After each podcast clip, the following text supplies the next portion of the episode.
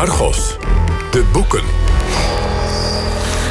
Ja, dan ga dus nog even eh, met uh, Sjoerd de Jong doorpraten. Want je hebt twee boeken voor ons uh, meegenomen. Straks gaan we het even over uh, sharia-rechtspraak... en of dat ja. onze westerse identiteit bedreigd hebben. Maar eerst even een boek van twee collega-journalisten van de correspondent. Ja. Nou, een succesvol voorbeeld van hoe nieuwe ja. media... serieuze journalistiek kan voortbrengen. Ja. Het heet Je hebt wel iets te verbergen... over het levensbelang van privacy... geschreven door Maurits Martijn en Dimitri Tokmetsis. Waar gaat het over? Ook een goed voorbeeld trouwens van de samenwerking... of de synergie tussen uh, reclame en journalistiek, dit boekje. Want ze hebben het heel goed in de markt gezet. Hè? Er is ook een filmpje, YouTube-filmpje bij en zo. Je kan naar de site, je kan er van alles...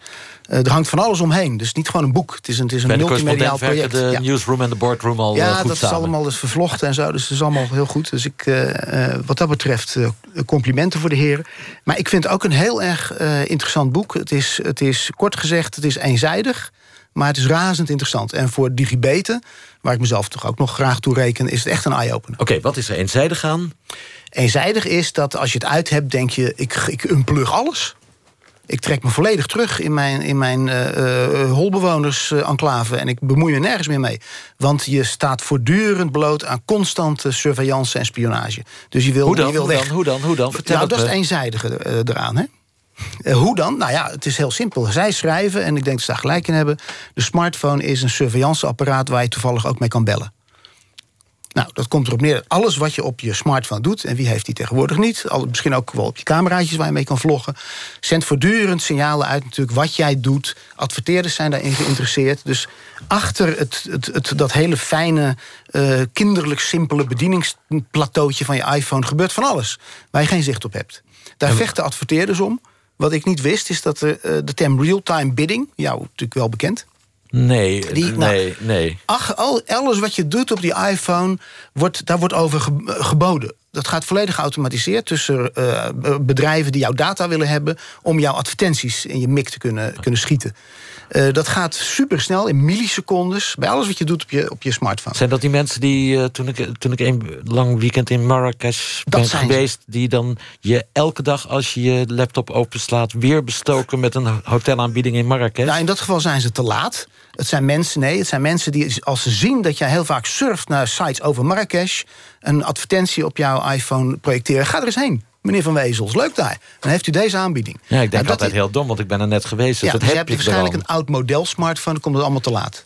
Maar dat is een van de, is maar één voorbeeld hoor. Ze geven hey, maar waarom noem je dat boek nou eenzijdig? Want ik vind dit echt doodeng. Het, nou, het is eenzijdig in die zin. Het is eenzijdig omdat ze geen... Je kunt ook allerlei halleluja-verhalen ophangen... over dit soort uh, data-verschijnselen. In de medische wetenschap bijvoorbeeld. Bij voor medisch onderzoek. Voor, voor journalisten. Denk eens wat journalisten er allemaal mee zouden kunnen... als die vrij toegang zouden hebben tot big data. Dus er is een keerzijde. Maar ik vind het juist heel goed dat ze uh, het accent leggen...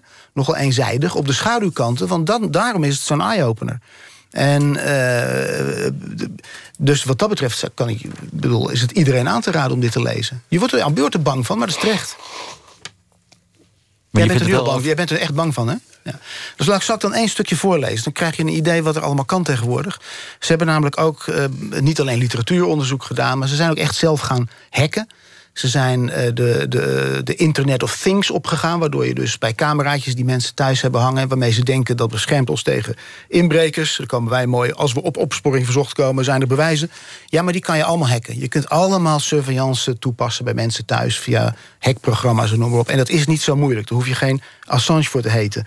Zij gaan bijvoorbeeld met een, een, een, een, een specialist op stap... op een terras zitten en die man die heeft een, een wifi Pineapple bij zich... een apparaatje en allerlei programmatuur, waaronder Wireshark. En dan kan je gewoon met je laptop en dat apparaatje meekijken... op wat mensen om jou heen in de koffieshop zitten te doen.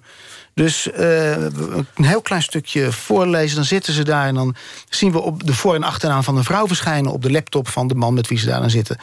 Uh, de pagina's van uh, Delicious gebruikers. Hè, dus we googelen haar naam, waardoor we direct op basis van haar foto... kunnen bepalen wie ze is, waar ze in de koffiezaak zit. Oh ja, daar zit ze. We komen erachter dat ze uit Polen komt, pas sinds kort in Nederland woont. We zien dat ze geïnteresseerd is in yoga. Een aanbieding voor een anti-snurkmatras heeft opgeslagen. Nou, dat, dat, wil je niet dat iedereen dat weet. Recent in Thailand en Laos is geweest. En opvallende interesse toont voor sites die tips geven... hoe je een relatie kunt redden. Ja, dan zit je daar dus bij de koffiecompagnie gewoon zelf een beetje te tikken. Dat kan. Zeg, wat moet, ja, ik word een beetje bang inderdaad. Ja. Wat, wat, wat moet je verder allemaal vertrouwen? Dus die i- iPhone Nou- is ongeveer je grootste vijand. Eh, kijk, bespioneert het, het, gaat veel verder dan dit soort eh, technische dingen. Het kon, uiteindelijk, het is natuurlijk eh, de correspondent probeert eh, eh, maatschappijkritische, constructieve, maar maatschappijkritische journalistiek te bedrijven. En uiteindelijk valt de term surveillance kapitalisme. Niet uit de jaren zeventig, maar echt een moderne vorm van kapitalismekritiek. Want eh, wat zit hier allemaal achter, achter deze surveillance-makers, adverteerders, bedrijven, maar ook de overheid? Ja, mijn laptop, kan ik die vertrouwen? Eh, nou, je moet wel de goede, de goede beveiliging opzetten. Ja. Mijn printer die Ja. in mijn kantoor staat? En er, er journalistieke onderzoeksprojecten worden bijvoorbeeld ook gedaan, te- steeds meer, op laptops die geen contact maken met internet. de Juist om dit thermostaat, soort dingen te thermostaat van de centrale verwarming? Eh, gewoon een extra trui aantrekken. Nou, Max begint wakker te worden. Dat Ja. begrijp je wel. Je begint Nou, het, het, het, te zien. het onrustbarende in het boekje is ook wel de rol van de overheid hoor. Want ze hebben het over. Nou, de- de discussie over etnisch profileren hebben we net gehad. Wat kan je allemaal doen met datamining? Ik bedoel, je kunt risicoprofielen opstellen van mensen. Je kunt behavioral targeting gaan doen. eh, predictive policing. Dat je dus mensen er al uitpakt van je ziet van nou, die heeft een kans van 80% waarschijnlijkheid dat hij ooit inbreker wordt. Kan je nu ingrijpen. Dat is technisch allemaal mogelijk. En denk ook eens wat voor eindeloze mogelijkheden dit inderdaad voor de journalistiek zou openen. Maar er zijn natuurlijk wettelijke en morele grenzen. En daar mondt het boekje dan in uit. Eh, een oproep om eh, die scherper te trekken. En hebben de auteurs Maurits Martijn en eh, Dimitri Topmetsis zichzelf aan die grenzen gehouden? Want ja, ze schuwen geen middel om dit te achterhalen. Hè? Ze hacken, ze doen... Nou, dat, ja, maar ze, leggen, ze zijn in elk geval, zoals dat tegenwoordig natuurlijk moet, transparant daarover. Hè? Transparantie is het nieuwe objectief, of nieuwe objectiviteit. Ze zeggen we gaan ook echt hacken, maar ze leggen uit dat ze dat doen onder bepaalde regels en ook ehm, eh, niet bij al te gevoelige eh, sites of, of, of gegevens. Dus Ze hebben- Ze methode- hebben geen patiëntendossiers gehackt of iets dergelijks. Een methode kan door de beugel wat de Als illustratie van ombudsman wat van, NRC Handelsblad betreft. Eh, ik weet niet of de correspondent een ombudsman heeft, zou het hem eh, moeten vragen. Maar ik vind, ik vind dit echt een, een heel een eye-openend boekje. Het tweede boek dat je voor ons hebt gelezen, Sjoerd... Heilige Identiteit, een omstreden boek van de Leidse politicoloog en jurist... Nou ja, omstreden, ja, er is veel over te doen. Eigenlijk gaat het ook over surveillance. Hè? Ook bewaking, toezicht, controle. Alleen hier is het toch een beetje... Ik bedoel, je- moet er niet aan denken wat die sharia-raden kunnen doen... als die gaan dataminen. Eh, dat doen ze allemaal niet. Dat is, dat is het, vond ik het opmerkelijke aan dit boekje... Waar, waar aan de ene kant heel veel kritiek op gekomen is. Echt zo'n beetje de slechtste wetenschap aller tijden. Eh, en aan de andere kant is het geprezen als een, een onthullend boek... van schrikbarende eh, feiten. Het is geen van beide. Eh, overigens, ik heb het over dit boekje, niet over het proefschrift... waar het op gebaseerd is. Dat, Dit is een ik handelseditie. Dit is de handelseditie van het proefschrift. Ehm, het proefschrift mede gefinancierd trouwens door de stichting... eh, hoe heet die ook alweer? Ehm, agnosticisme en meritocratie. Dat zijn mensen die Ja. iets tegen het geloof hebben. Eh nou ja, agnosten, die weten het niet. Eh, dus de stichting Wij weten het niet en meritocratie... en we verdienen het, zou je het ook kunnen noemen.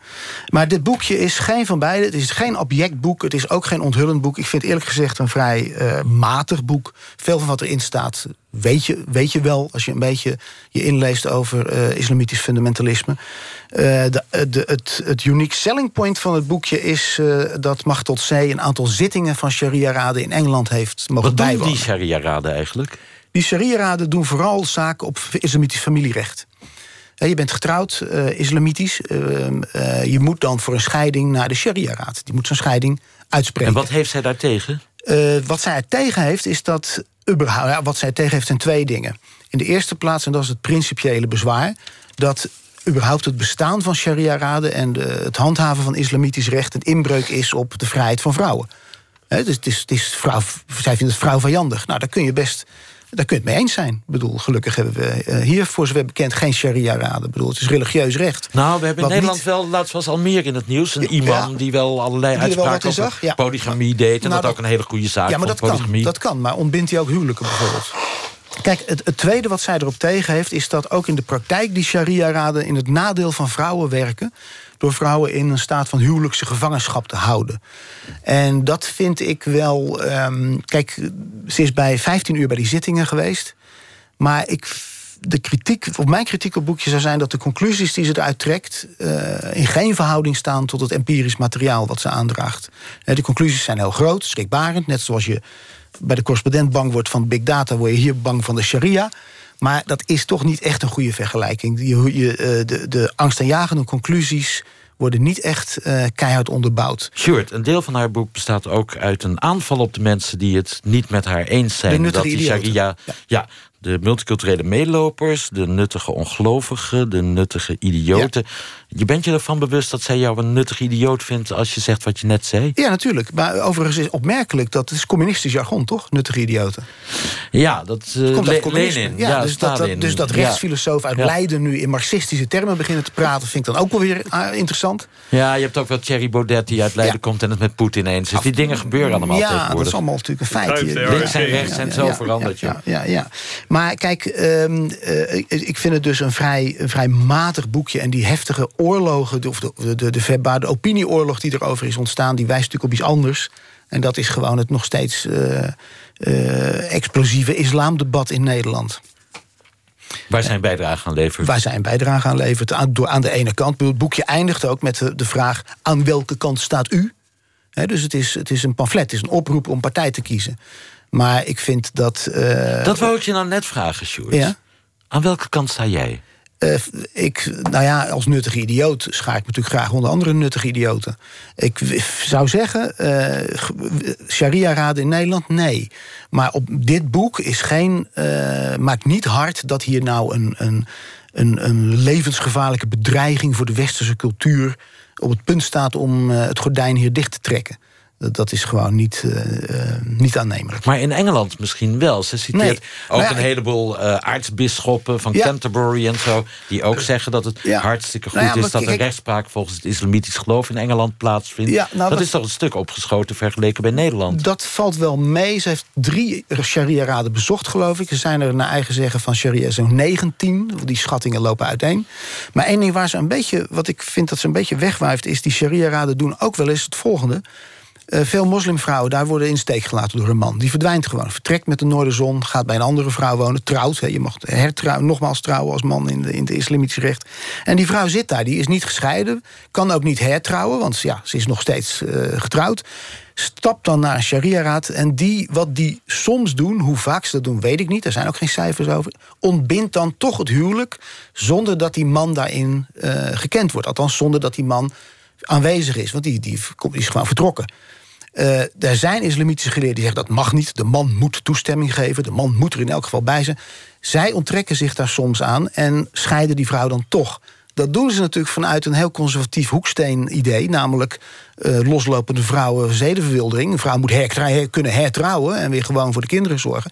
Maar desalniettemin, ze bevrijden zo'n vrouw dan wel uit wat uh, zij noemt huwelijkse gevangenschap.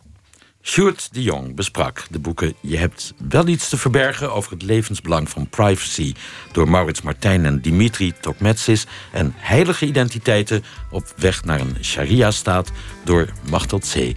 Dank je voor je komst, Sjoerd. En jullie ook allemaal nog bedankt trouwens. Uh, ja, dit was Argos. Straks BNL op zaterdag met onder meer aandacht voor het MH17-onderzoek. VVD-Kamerlid Hanten Broeke komt daarover praten. Ik wens u een... Uh, Heel goed weekend. Volgende week zaterdag tussen 2 en 3 is Argos er weer.